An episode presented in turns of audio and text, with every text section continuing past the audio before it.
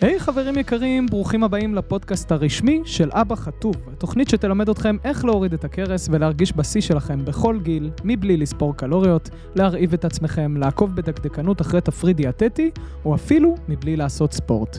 את אתגר אבא חטוב עברו נכון להיום מעל 15 אלף גברים בישראל, שהצליחו להחזיר לעצמם את הבריאות והאנרגיה והביטחון העצמי שבאמת מגיע להם. המטרה של הפודקאסט הזה הוא להקנות לכם את הכלים, ההבנה, הידע והמוטיבציה כדי באמת לרדת במשקל פעם אחת ולתמיד.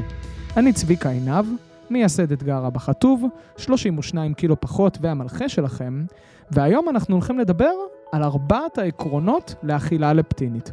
אז אחרי שדיברנו על הבסיס המדעי והפיזיולוגי מאחורי השיטה הלפטינית, היום אנחנו ממש הולכים להיכנס לתוך ארבעת הדברים הכי חשובים שכל לפטיני עושה וחייב לעשות על מנת לאזן את ההורמונים שלו ודרך זה לרדת במשקל. אז בואו נתחיל. אוקיי חברים יקרים, איזה כיף שהצטרפתם אליי לפודקאסט של אבא חטוב, פרק מספר 5, והיום אנחנו הולכים לדבר על ארבעת עקרונות הבסיס של אכילה לפטינית. עכשיו חשוב לציין שכמו כל מנגינה יפה, במידה ואנחנו מנגנים את האקורדים בסדר הלא נכון, המנגינה לא תצא יפה כמו שהיא צריכה להיות.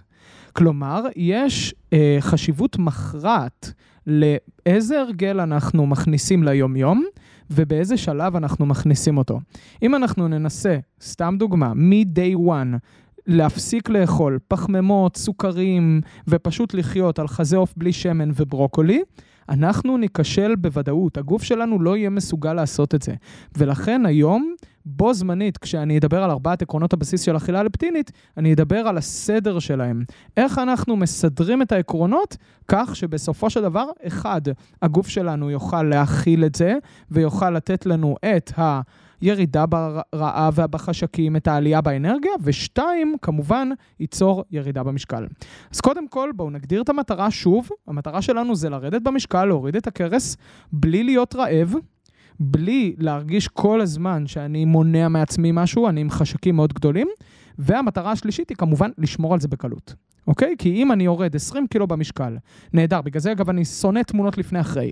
כי תמונות לפני אחרי אף פעם לא מספרות את המציאות, הן תמיד סוג של משקרות, כי אנחנו לא יודעים מה עבר על הבן אדם במהלך התהליך. ואנחנו רוצים לעבור את התהליך הזה בסטייל, ולהגיע למצב שבו אנחנו עם מינימום חוקים, ושומרים על המשקל שלנו בקלות, כמו שאני שומר עליו, הצוות שלי שומר עליו, ורוב האנשים הלפטינים שאני מכיר שעברו את התוכנית הזו לפני כמה חודשים או כמה שנים, שומרים עליו.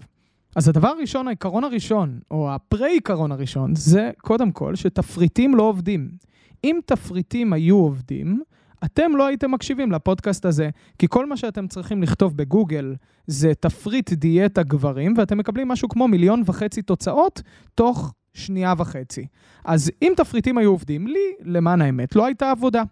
אבל מה הבעיה? שאנחנו לא מסוגלים ליישם את אותן המלצות. אנחנו לא מסוגלים לעקוב אחרי אותם תפריטים, כי תפריטים הם גם מאוד מאוד קשיחים, וגם, שוב, אם בתפריט כתוב חזה עוף 200 גרם, ואני באמצע עכשיו אה, שום מקום, באמצע איזה אה, פגישה בבאר שבע בעבודה, ואני לא מסוגל אה, למדוד עכשיו את ה-200 גרם חזה עוף, ואין לי חזה עוף, אז מה אני עושה? בגלל זה תפריטים, להערכתי ולדעתי, לא עובדים ל-95% מהאנשים. עקרונות עובדים. כי הם גמישים. עיקרון, אני יכול להכיל אותו גם אם אני כל היום בבית, גם אם אני עובד כל היום מהמשרד, גם אם כרגע אני בחופשה בחו"ל, תמיד אני יכול למצוא את הדרך לעקוב אחרי העקרונות שלי. ולכן הם מצד אחד גם גמישים, אבל מצד שני נותנים לנו את התוצאה שאנחנו רוצים. ושוב אני מזכיר לכם, מאזן קלורי כלומר, ההבדל, ההפרש בין הקלוריות שאנחנו שורפים לקלוריות שאנחנו מכניסים פנימה, הוא בסופו של דבר מה שיקבע לנו את משקל הגוף. אנחנו לא מתווכחים עם פיזיולוגיה בסיסית של הגוף, עם החוק הראשון של טרמודינמיקה. מאזן קלורי הוא מאוד חשוב, אבל מה הבעיה? שכשאנחנו מנסים לשלוט בו על ידי ספירת קלוריות, אנחנו נכשלים רוב הזמן. הדרך היחידה לשלוט פה היא דרך הגוף. היא דרך איזון הורמונלי פנימי, איזון לפטיני שאנחנו רוצים להשיג דרך השיטה. העיקרון הראשון הוא למעשה צריכת מים מספקת, שדיברנו עליו גם בפרקים הקודמים, בין 20 ל-30 אחוז מאיתותי הרעב שלנו הם למעשה איתותי צמא. ולכן ברגע שאנחנו לא מספקים לגוף שלנו, שאגב הוא בנוי בין 70 ל-85 אחוז מים, אנחנו לא מספקים לו מספיק מים, אנחנו למעשה גורמים לגוף שלנו להיכנס למצב של סטרס, מצב הישרדותי, שאגב, רוב הישראלים נמצאים במצב של התייבשות כרונית, שהתסמינים שלה הם עליות וירידות באנרגיה, אכילה מוגברת, שינה ברמה הרבה פחות טובה ממה שהיא הייתה יכולה להיות, השמנה כמובן לאורך זמן, ואלו תסמינים שאנחנו פשוט לא רוצים לחוות. ולכן אנחנו יכולים לפתור את כל הסערה הזו בצורה מאוד מאוד פשוטה. להכניס לגברים זה בין 2.5 ל-4 ליטר מים ביום, בדגש על שתיית מים אסטרטגית לפני ארוחה. שתי כוסות מים לפני כל ארוחה שלנו. סופר חשוב חברים, ומוכח מחקרית יכול להפחית לכם את הצריכה הקלורית. ככה ב-20%.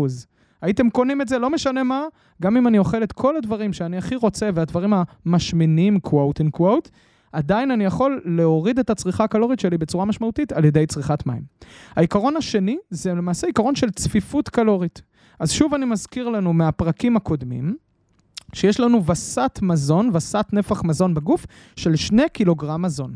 כלומר, הגוף שלנו, לא משנה מה לאורך זמן, בממוצע כמובן, ידרוש מאיתנו בין קילו 700 ל-200 קילו של מזון, ולכן אנחנו לא יכולים לרמות אותו, אנחנו לא יכולים לנסות לאכול פחות כדי לרזות, זה מיתוס, זה לא יכול לקרות. אז אם וסת המזון שלנו הוא 2 קילוגרם, השאלה מה אנחנו מכניסים בתוך ה-2 קילוגרם האלה, שיעזרו לנו לרזות.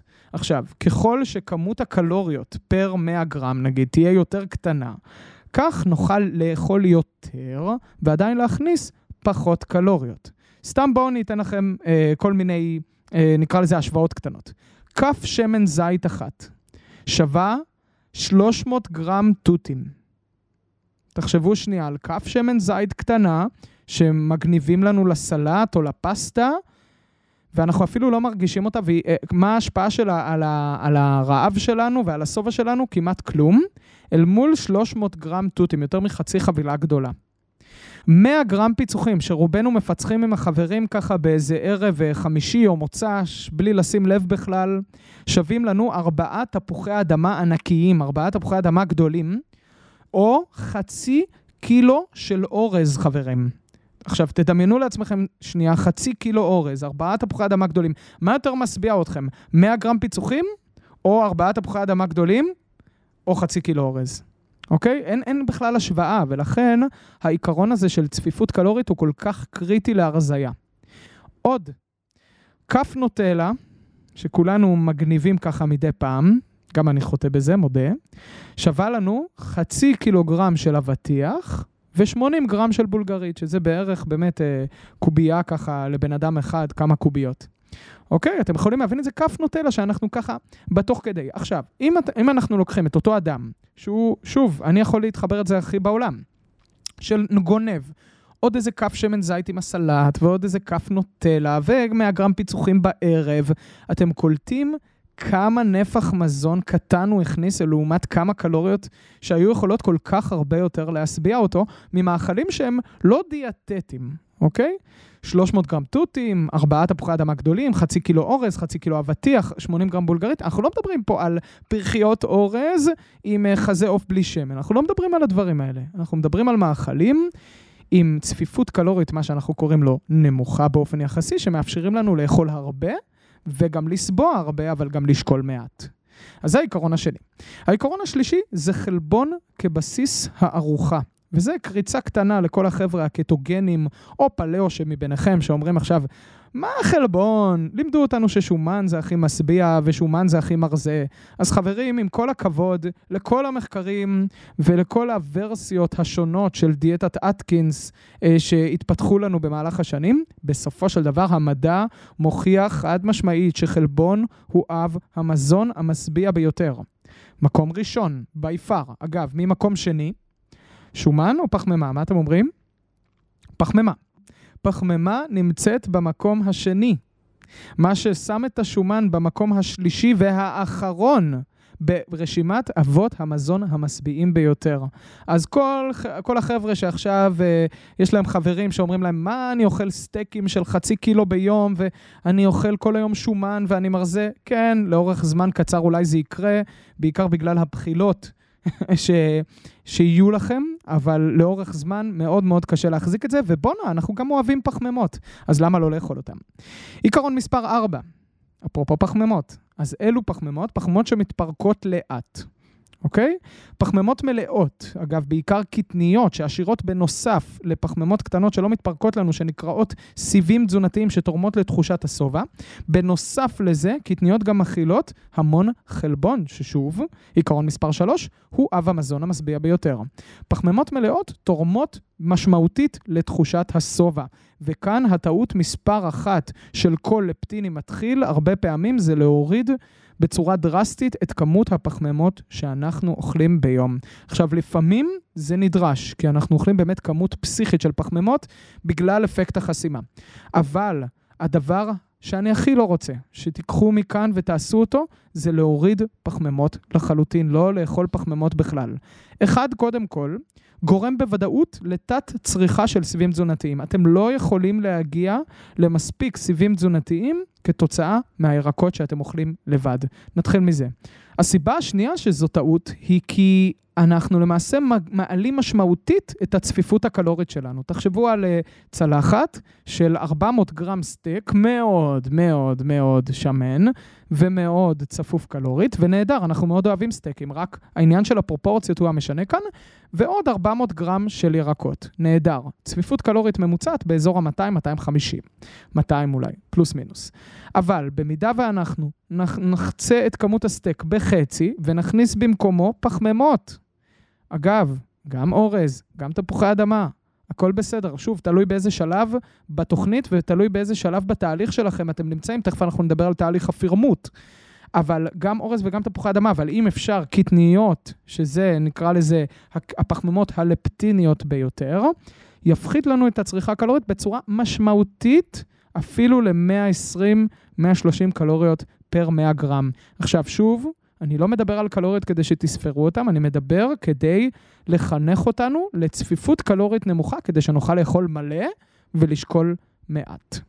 אז חברים, לסיכום, רק אם אנחנו נהיה שבעים וללא חשקים בתהליך ההרזיה, רק אז אנחנו נצליח ליישם את מה שאנחנו יודעים שאנחנו צריכים לעשות.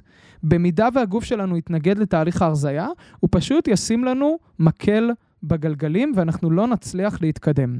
וארבעת העקרונות האלה הם הבסיס והם ההתחלה. צריכת מים מספקת, צפיפות קלורית נמוכה, חלבון כבסיס ארוחה ושילוב פחמימות שמתפרקות לאט. ואז נשאלת השאלה, אוקיי, איך אנחנו עושים את זה באיזה sequence? על זה אנחנו נדבר בפרקים הבאים כמובן, אבל מאוד חשוב להבין שיש שלב שנקרא הניקוי הלפטיני בתהליך שלנו, שהוא שלב שבו אנחנו כן מגבילים צריכה בצורה נקודתית. אנחנו קוראים לזה, לוקחים חופשה מתוכננת ממאכלים שאנחנו יודעים שגורמים לאפקט החסימה. אבל ההבדל המשמעותי שבמידה ואנחנו מכניסים מספיק מים והצפיפות הקלורית שלנו מספיק קטנה, כלומר אנחנו מכניסים נפח מזון גדול, אנחנו מכניסים חלבון כבסיס ארוחה ואנחנו מוסיפים את הפחמימות הלפטיניות, סוף סוף, אולי לראשונה בחיינו, אנחנו מצליחים לעמוד אל מול המאפה הזה, או לעמוד אל מול קופסת העוגיות, או הגלידה, או הפיצה בערב, ולהגיד להם, לא עכשיו. ולהיות שלמים עם זה. זהו חברים, אנחנו סיימנו את הפרק החמישי, בפרק הבא אנחנו נדבר על הסודות ליצירת מוטיבציית על לשינוי, או מודל ארבעת שכבות המוטיבציה, הולך להיות מרתק, וגם לא רק לתהליך הרזייה, בכלל באופן כללי לדעתי יש פה כלים שיכולים לעזור לכם בכל תחום בחיים. יאללה חברים, נתראה, ביי ביי.